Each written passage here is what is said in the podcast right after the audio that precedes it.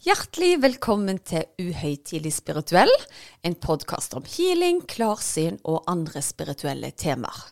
Noen ganger har vi gjester, og noen ganger er det bare meg sammen med min ektefelle Erik.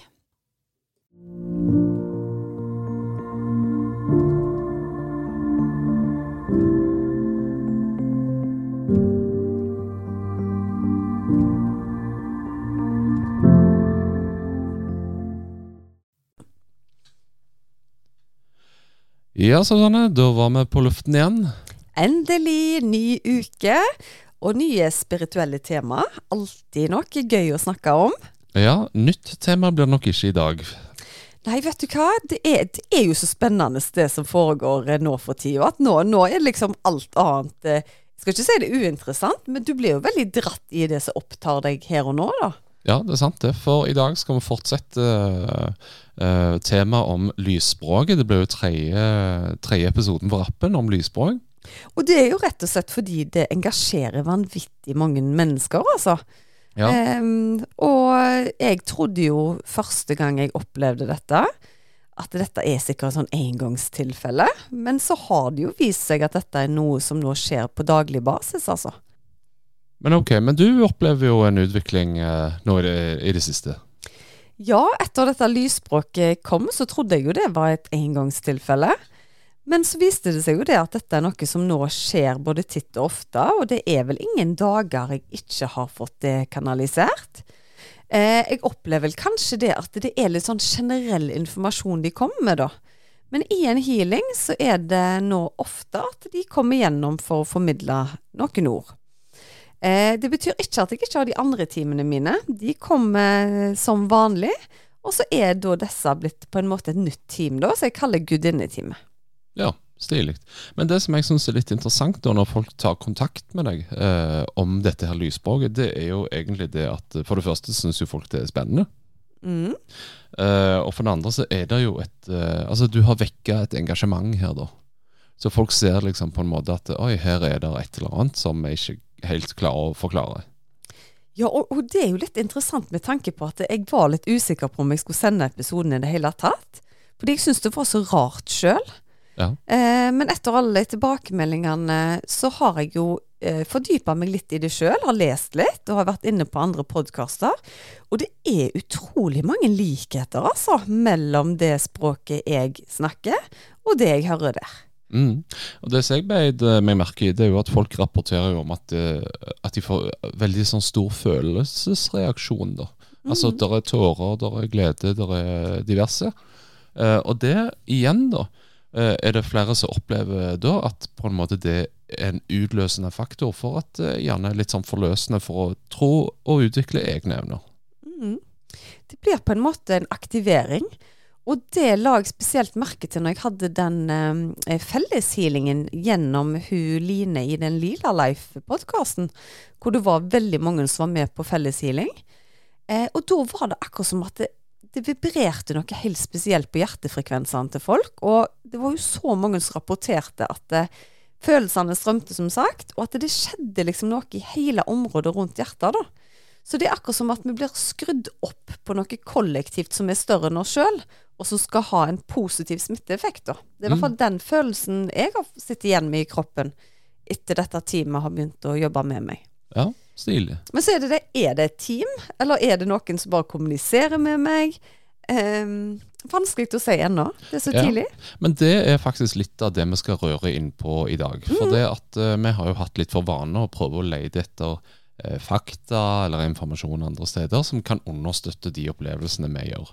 Eh, og når det gjelder lysspråket, så er det jo mange artikler rundt dette her, og mange meninger om hva det egentlig eh, gjør med oss. Så jeg tenkte jeg skulle lese høytlesning rundt lysspråket. Ikke verst, du. Ja, det er ikke forfatteren sjøl som leser. Nei. Men ok. Det første som skjer da, det er jo Altså, det er flere punkter her. Det er DNA-aktivering. Eh, det frigjør fast eller blokkert energi. Det aktiverer pinealkjertelen. Eh, og så gir det høyere dimensjonal tilgang. Så la oss først snakke litt om liksom, dette her med at det frigjør fast eller blokkert energi. Eh, og det er jo mye av det du har snakket om, at det, Altså, du fjerner blokkeringer i healingen, ikke sant? Ja, og jeg har jo alltid heala med tanke på at jeg jobber på ulike frekvenser og ulike energinivåer. Så det at dette språket da gjør at du gjerne treffer den banen som aktiverer det i deg, det er ikke utenkelig i det hele tatt. Og spesielt når folk da sier at de kjenner på en forløsning på innsida av seg sjøl når de hører dette språket, eller fortolkningen. Så eh, det er veldig spennende at det faktisk står skrevet. Mm. Ja, for det står faktisk her at det frigjør områder med spenning og uoverensstemmelser fra kroppen, sinnet og ånden din ved da telepatisk å snakke eh, med dette språket. Eh, og det snakker altså direkte til hjertet og sjelen din, eh, og til hele ditt vesen, om du vil. Oh, det er så interessant, fordi en av de fortolkningene jeg fikk på den direktesendte den uh, massehealingen, så gikk det visst mye på dette med hjertevibrasjoner, da. Og kjærlighetsfrekvensen i oss. Så dette her um, Ja, jeg, jeg, forstår bare veldig det som står der, da. Ja. Vi kan jo gå videre til det neste, som det er dette her med DNA-aktivering. For meg, Jeg kan ikke så veldig mye om DNA, men uh, der står det altså da at dette starter en DNA-aktivering som frigjør glemte eller sovende gaver eh, fra dette eller andre liv. Og Det gjør at du kan få bedre tilgang til disse delene, eller klare å uttrykke det på en litt annen måte enn du gjerne har, har gjort før. da.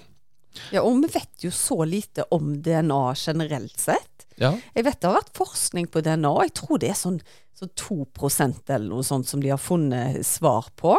Eh, resten mener de at liksom, det fungerer ikke til, til, noen ting. Så det sier egentlig hvor lite vi har kommet på forskningsstadiet i forhold til DNA. da. Selv om vi vet mye i dag, så er jo 2% veldig lite i det store bildet.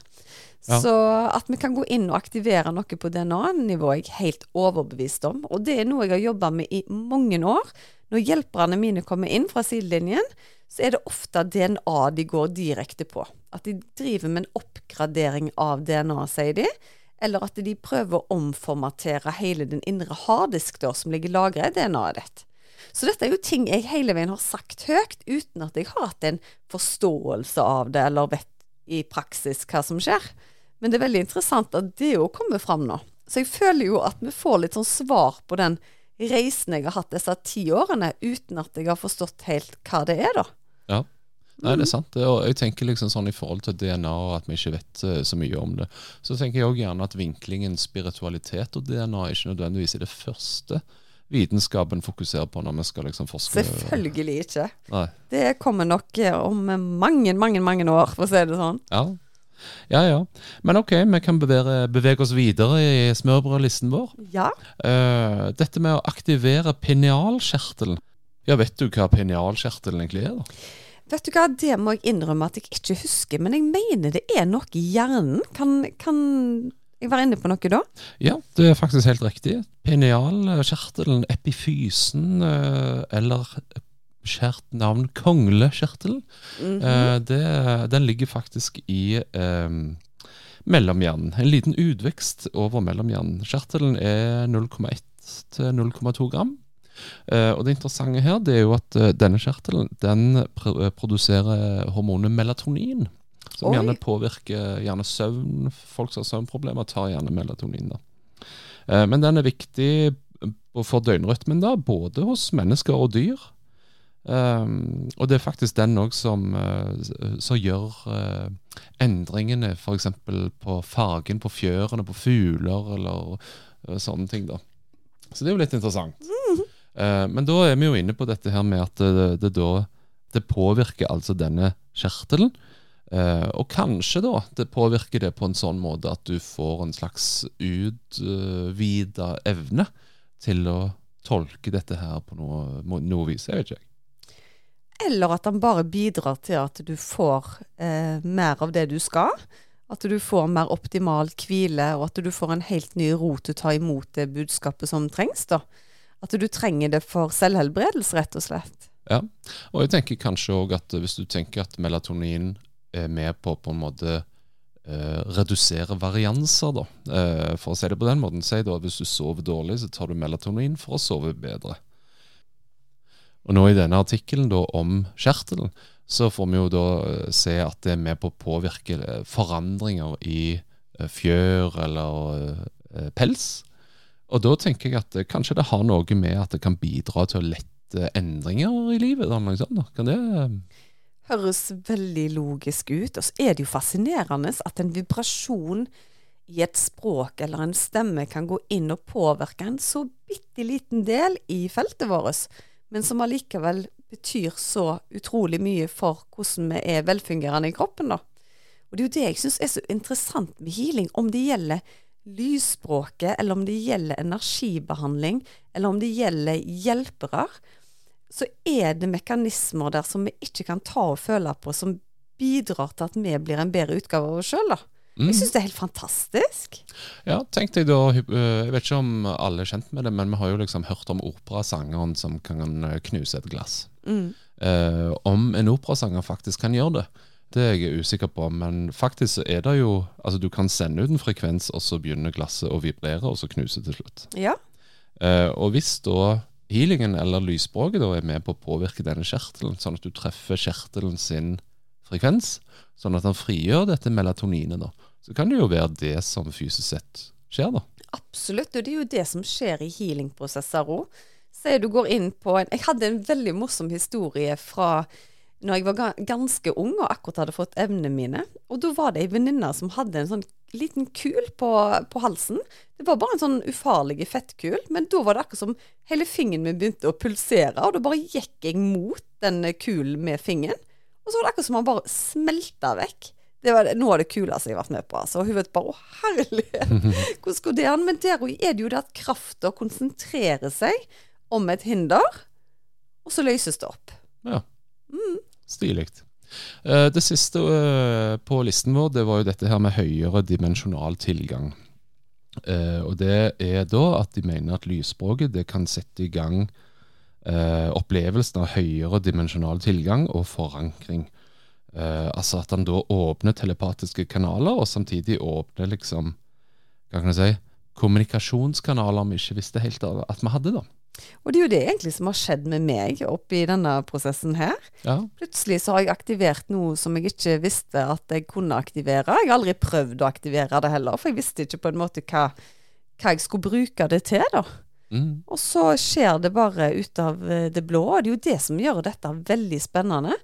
At du tror på en måte at du har lært det som kan læres. Eh, selv om jeg er en person som er åpen og er villig til å lære hele veien, så var dette noe som jeg ikke i min villeste fantasi hadde sett for meg at skulle skje. Ja. Mm. Nei, det er sant, det.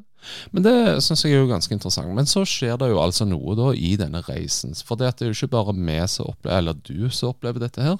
Det er jo andre som lytter på, som òg gjerne har erfaringer fra dette her, eller har googla det, eller hva som helst.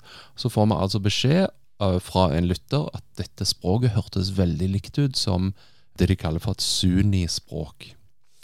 Ja, og da måtte vi jo hive oss inn på YouTube og Google, og hun var, hun var jo så flink, den dama der. Hun hadde gjort det veldig organisert for oss, og til og med liksom viste oss akkurat inn i hva minutt vi skulle høre på den, den videoen. Og, og hun hadde vel skrevet en definisjon på noen av de ordene jeg hadde kanalisert opp på forrige episode.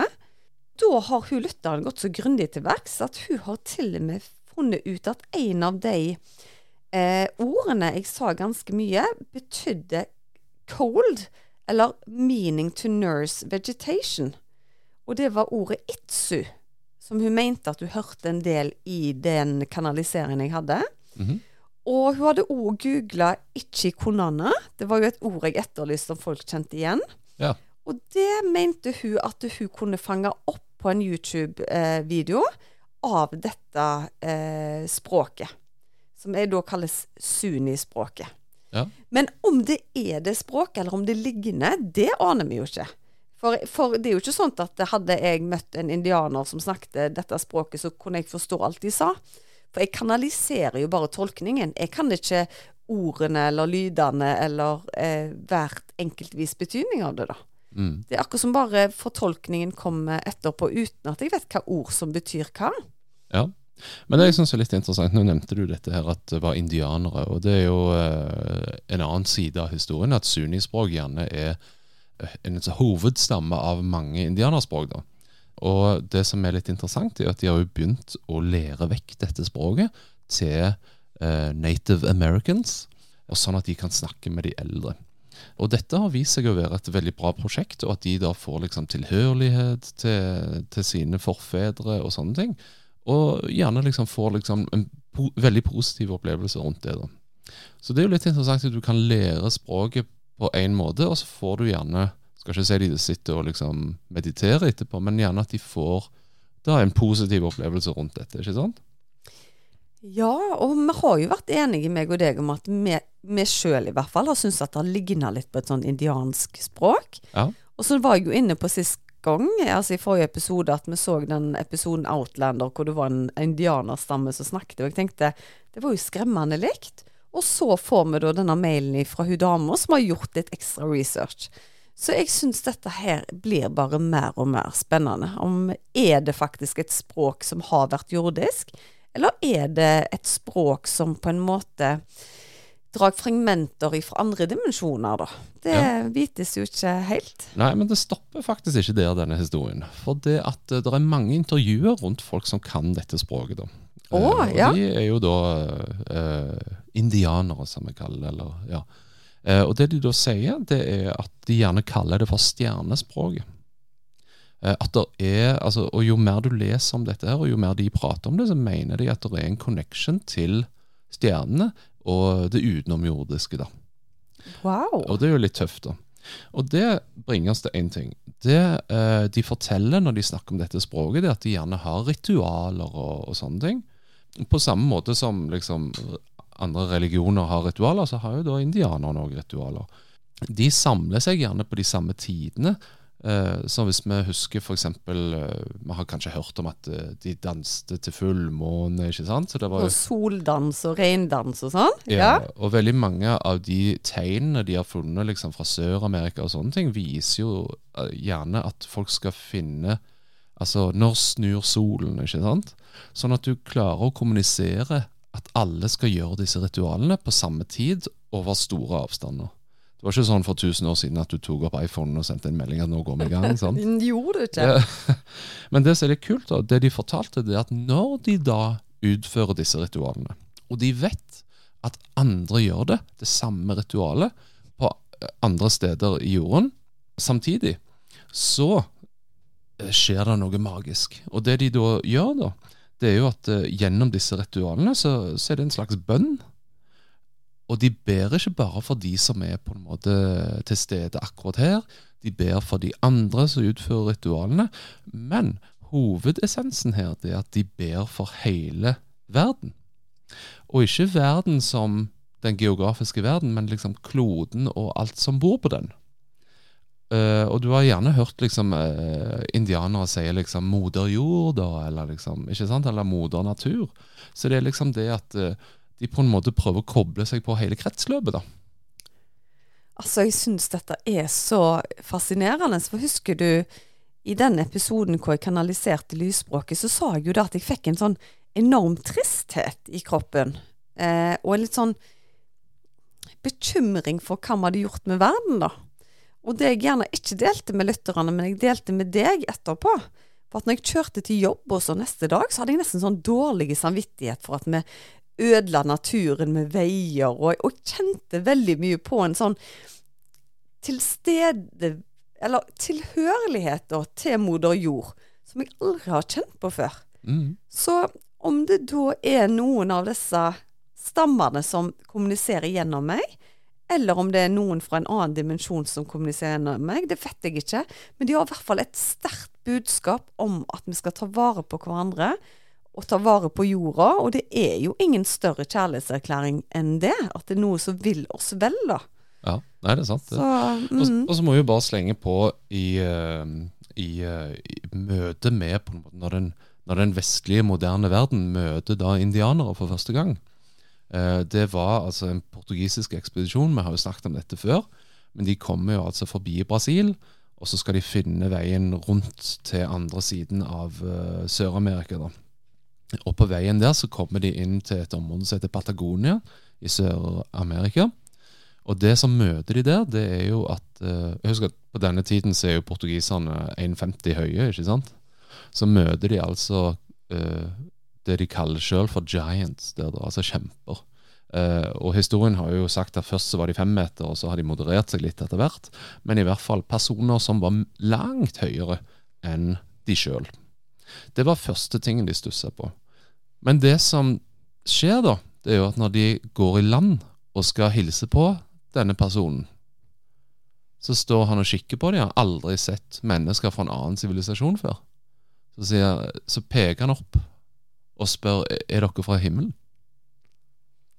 Så noe tilhørighet med det som er der oppe, har jo disse her hatt. Mm. uh, før den moderne verden tok de igjen, da, på en måte. Selvfølgelig. Og gjerne mye større naturkontakt enn vi noen gang har hatt. Ja. Det er jeg overbevist om, altså. Så teorien her er jo det for å bare liksom få denne sirkelen uh, slutta litt, grann, da, så er det jo litt dette her, ok, hvis det er noe med dette at det, um, at det er på en måte grobunnen er indianerne og liksom den connection med jorden, da, eh, så har vi jo i hvert fall en ledetråd i det første oppdagelsen av mennesker som aldri hadde møtt andre mennesker før. Mm. Ja, og det er jo litt stilig. Men ok. Vi har jo da òg fått kontakt når du legger ut noe på Instagrammen. Og nå eh, sist så la du ut en eh, ny video av kirurgisk healing. Mm. Og for de som gjerne ikke har Eller så husker dette her, da, så er det jo det at det ligger en, eh, en eh, klient på benken, og så ser det jo ut som noen står og drar i diverse lemmer, eh, og det ser ikke naturlig ut. Nei, det er altså Når det foregår en kirurgisk healing, eh, det kan skje veldig visuelt, og det kan òg bare skje eh, med at du ligger helt i ro, og ingenting skjer fysisk, men du kan kjenne at det er noe som strekker deg litt på innsida, da. Men noen ganger så drar jeg fram mobilen, eh, og så får jeg filma det. Eh, Og etter godkjenning fra denne spreke dama som sa det var greit at jeg la det ut, så fikk da eh, tilskuere muligheter til å få et innblikk i hva kirurgisk healing faktisk kan se ut som, da. Mhm. Eh, og når jeg jobber med kirurgisk healing, så har jo jeg alltid en fornemmelse av hvem som er inne og jobber. Og jeg har fortalt om hjelperne mine før. Jeg har fortalt om Aurora og Mikael, og jeg snakker ofte om en som heter Pierre. Men jeg har aldri fortalt hvordan Pierre ser ut. Det er noe som jeg bare har tenkt i mitt eh, eget hode. Og så må jeg jo bare liksom tenke Ok, så har den personen som da tar kontakt, forteller jo egentlig at eh, vedkommende gjerne hadde litt sånn evner, om du vil, før. Eh, og så har det vært litt sånn sovende. Men etter uh, hun eller han har altså hørt på podkasten vår, så har disse på en måte liksom vekka litt til live igjen, da har jeg forstått. Ja, jeg tror ikke denne personen nødvendigvis hadde hørt på podkasten, men hun hadde i hvert fall sett den videoen på Instagram. Og hun hadde ikke hatt kontakt med emnene sine på ganske lang tid. Men idet hun ser den videoen av kirurgisk healing, så skjer det noe. For da sier hun til en slektning av seg Ser du han mannen som står nede ved beina til den dama som ligger der? Og da kan jo denne slektningen si det at vet du hva, det ser jeg ingenting av. Eh, og de har da en dialog hvor de òg tar kontakt med meg, hvor de syns det er veldig spennende at hun på en måte, etter en lang tid uten å ha særlig kontakt med emnene sine, plutselig begynner å se ting igjen. Så de tar kontakt med meg og forteller hva de ser. Og det de ikke vet, er jo at den beskrivelsen hun har av den mannen, er jo denne Pierre, som er min hjelper og guide. Og der sto han med sin franske bart, eller? Nei, han har ikke bart, men han har briller. Slanke mann, 45-50 år. Hun så ikke alderen hans, men hun så eh, tegnen til brillene. Og så vil hun kalle han en kiropraktor, men det var akkurat som mer en kirurgisk bevegelse over det. Og det er jo akkurat sånt jeg eh, pleier å beskrive Pierre. Eh, pleier å beskrive, i hvert fall til deg, da. Eh, for Pierre opplever jeg som veldig sånn high-tech. Han eh, bruker noe som heter høyfrekvent teknologisk healing. Så han skanner hele kroppen, og så går han inn og manipulerer eh, armer og bein hvis det er låsninger, f.eks. Så det er utrolig spennende at denne dama har fått aktivert dere bare med å være inne på profilen og så den videoen. Mm. Så vi føler litt da at på en måte at, eh, at uh, kraften jobber litt Altså, jeg føler at kraften jobber på mange flere strenger nå enn det den har gjort tidligere. Eh, det virker som at de vil samle folk mer med å Dette har vi vært inne på tusen ganger nå, men det å snakke om spiritualitet. Og jeg tror jo bare det at Instagram-kontoen har blitt en sånn trygghetsarena for de som er nysgjerrige og søker den, da.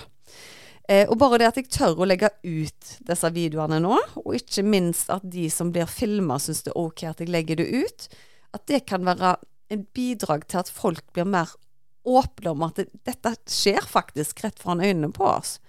Eh, og meg og deg vet jo at dette er ikke manipulert. Det er jo ingen som ligger og strekker på armer og bein av seg sjøl.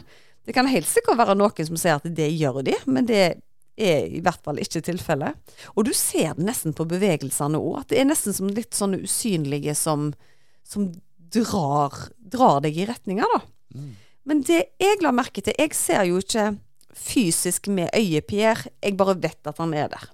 Og det har vi vært inne på før, at noen har noe som heter klarsyn. Eh, jeg jobber også som medium, men jeg får mer beskjeder inn i hodet. Og jeg har noe som heter klarviten. Det vil si at jeg vet hvordan Pierre ser ut, og jeg vet at han er der. Men denne dama ser det jo fysisk. Hun litt sånn på videoen 'Hvorfor ser ikke du den uh, mannen?' Men det jeg gjorde sjøl da, etterpå nå, var at jeg begynte å uh, spole og stoppe litt.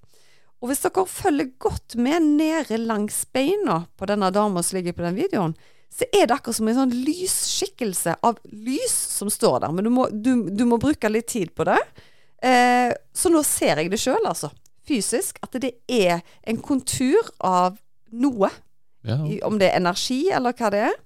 Jeg vet jo at det er han Pierre, og hun dama har jo sett han fysisk. Men det blir så spennende å se om det er flere av lytterne våre som ser noe da, som eh, vi gjerne ikke har sett ved første øyekast. Mm, kult. Kommenter gjerne under uh, videoen. Ja, det må dere gjøre. Herlighet. Det er jo kjempespennende. Ja. Men ok, uh, over til en liten annen kommentar. For det at det har jo kommet en del spørsmål om dette her med selvhealing. Mm. Kanskje du forteller litt om det?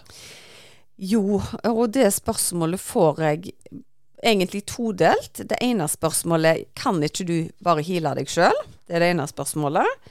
Og det andre spørsmålet er kan vi heale oss sjøl? Svaret er ja til begge deler, men det krever mye. Det er litt sånn som hvis du utdanner psykiater eller psykolog, og så skal du eh, fikse deg sjøl. Eh, det krever langvarige prosesser med mye fokus. Jeg har sjøl vært igjennom prosesser hvor jeg har klart å heale meg sjøl veldig raskt, mens andre ganger går det veldig tregt.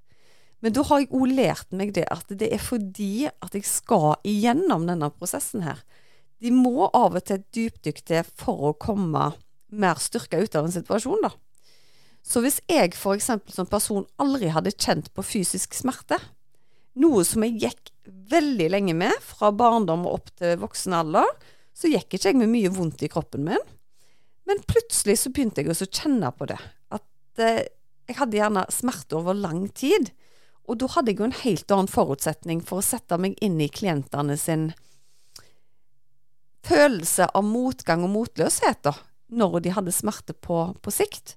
Og det går ikke bare utover deg, det går òg utover hele familier.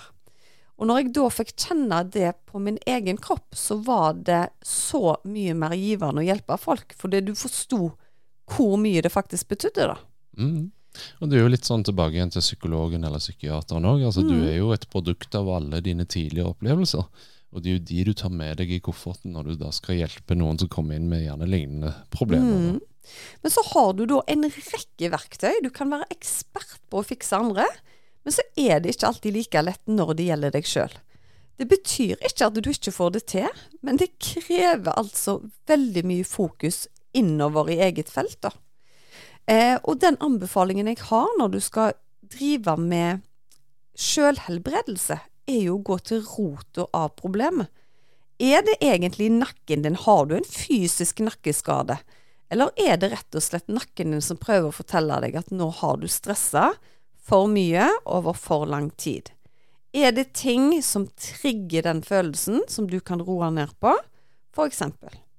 Så som regel så kan du finne fragmenter du kan jobbe med for å avlaste de fysiske symptomene som setter seg i kroppen. da. Mm. Jeg må si jeg satt her og humra litt når du sa dette med vondt i nakken. For jeg syns jo det er litt morsomt den historien med en av de første gangene jeg traff foreldrene dine. Ja. Så skulle hun på restaurant, men så hadde jeg da fått vondt i nakken, så jeg så mot venstre.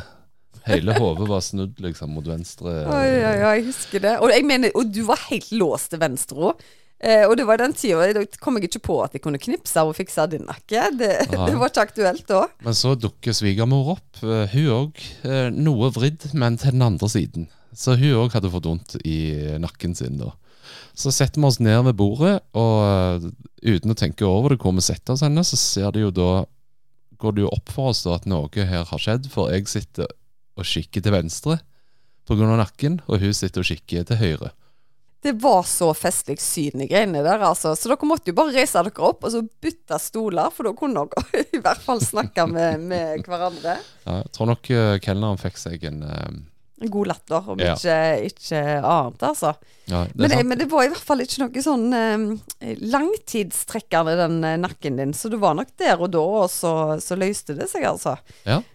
Men ok, eh, sånn helt til sist eh, Det er jo mange som kommer og så sier de liksom Hvordan skal vi liksom utvikle evnene våre? Og så nevnte du med dette her Altså det å stole på det du ser, da. Eller det du får opp. Ja, altså jeg fikk da et spørsmål eh, av en lytter som sier det at jeg opplever at jeg får bilder inn i hodet mitt, og at jeg gjerne tenker på f.eks. en mormor eller en onkel som er døde. Men hvordan vet jeg at jeg ikke bare tenker på dem, og at de faktisk er der, og at de faktisk har en beskjed til meg? Eh, og da må jeg være så ærlig og si at eh, noen ganger så er jeg veldig i tvil sjøl òg. Jeg hadde annet nå en, eh, en opplevelse hvor jeg hadde et familiemedlem som jeg er veldig glad i, som ble veldig alvorlig syk. Og hvor jeg skulle gjøre det jeg kunne for å hjelpe henne og støtte henne. Eh, og natta før hun skulle operere, så våkner jeg på natta og skulle ned og hente meg et glass med, med vann. Eh, og idet jeg går opp trappa, så kjenner jeg at oi, der sitter morfar. Eh, og det var ikke sånn at jeg stokk fordi jeg så han, fordi det er mer et mentalt bilde, og jeg visste at han var der. Men da ble jeg veldig redd, for da tenkte jeg å herlighet, tenk hvis han har kommet for å hente dette familiemedlemmet mitt nå. Men så har du òg den andre tanken som sier han er jo selvfølgelig kommet fordi han skal hjelpe. Han skal jo ta vare på henne, det er jo derfor han er der. Og da lå jeg mange timer i den natta. Da hadde jeg den ene biten av meg som var livende redd for, at han kom og skulle hente henne. Men så hadde du den andre sida av deg sjøl som prøvde å roe deg ned og si at nei, han er jo selvfølgelig kommet for å gjøre deg trygge på at du er ivaretatt. I dag vet jeg at dette gikk kjempefint, operasjonen var vellykka. Men jeg må si at jeg sleit med å forstå hvorfor var han der. Han, han så ikke lei seg ut, eh, men så har jeg jo erfart det at de er ikke nødvendigvis lei seg om noen skal dø heller. Fordi de tar jo imot dem med åpne armer. Så, så det er ikke alltid at vi får 100% svar, og det er en av de grunnene til at jeg syns at dette yrket er veldig spennende så. Fordi du må søke, du må bruke ditt innvendige kompass hele veien, og bruke ulike mekanismer i deg sjøl for å finne ut hva svaret faktisk er. Så til hun som lurer på om hun faktisk får besøk av et familiemedlem, eller om hun bare tenker på de, så vil jeg benytte meg mer av det fysiske. Hva kjenner du på yttersida av kroppen din i tillegg? Er det et kaldt gufs rundt deg? Kjenner du at det er en litt annen stemning i rommet? For når morfaren min satt oppe på, tapp, eh, på toppen av trappa, så var jeg helt sikker på at han var i loftstua vår. Dette var ikke et mentalt bilde. Eh, Fordi jeg kjente på en måte at lufttrykket var helt annerledes rundt meg, da. Så du må bruke på en måte flere sanser for å analysere det du faktisk opplever. Mm. Så kan jo jeg òg si jeg har jo prøvd dette her. Og når du akkurat når du føler liksom Yes, jeg får det til! Når du tenker den tanken, så forsvinner alt. Ja, men, men da har jo du gått i et annet modus, for da går du inn for å oppsøke det. Her var jeg ute f.eks. midt på natta og bare skulle hente meg et glass vann, og da var jo ikke jeg i et modus hvor jeg skulle påkalle min avdøde morfar. Det, det kom nesten som kasta på deg. Og det er da du må være eh, årvåken, for å si det sånn. Altså i situasjoner hvor det ikke er logisk for deg å skal tenke på noen, og de vips så føler du at de er der. Det er jo da de trenger din oppmerksomhet, da. Mm. Eh, og jeg har jo lært meg nå, han var der nok for å betrygge meg. Men det visste jeg ikke før som sagt den operasjonen hennes var, var over, og at det var vellykka. Ja. Mm. Ok, bra. Med den tryggheten til morfar, så eh, tenkte jeg vi kunne runde litt av. Før vi gjør det, så vil jeg bare si det at uh, vi har jo uh, kunnet feire at over 60 000 har lasta ned uh, våre episoder på podkasten. Det er jo ufattelig gøy. Kjempegøy. Det er nesten synd at vi må ta påskeferie nå, for det er jo så kjekt å snakke, vet du. Ja, Så det kommer ikke nye episoder akkurat i påsken, men etter påske er vi på igjen. Og så må vi bare si det at eh, jeg syns det er utrolig kjekt med alle tilbakemeldingene. Og det at det er Vi òg føler liksom at det er litt energi i rommet når vi har disse podkastene. Og kanskje den energien at alle lytter på og prate om dette her, er med på egentlig å gjøre litt sånn som indianerne. At vi skaper et samhold som gjør at alle gjerne kan bli litt eh, bedre utgave av seg sjøl, eller gjerne litt mer spirituelle, eller et eller annet. Eller et eller annet, faktisk. Eller et eller annet. Whatever you like.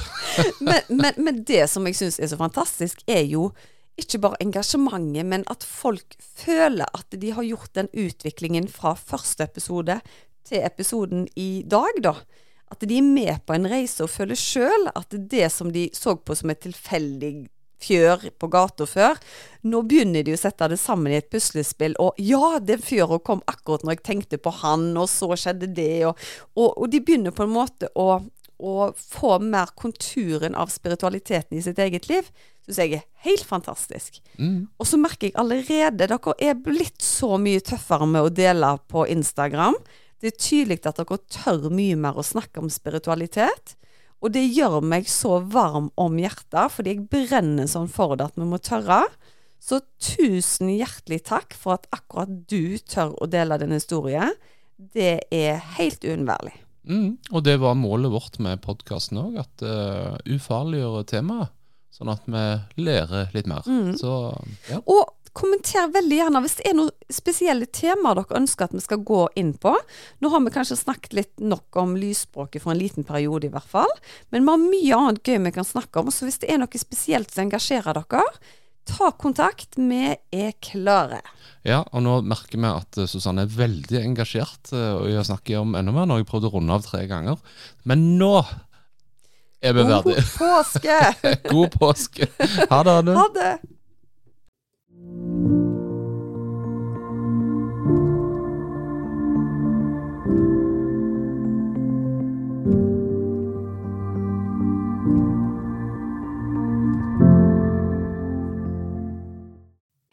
Visste du at du kunne ta kontakt med meg hvis du ønsker å få satt opp en personlig healingplan?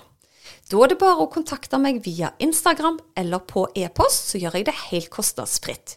Da er det mye lettere å vite hvilken healing du skal velge, til hva tid du skal bruke den, og for hvor mange uker du bør benytte deg av deg.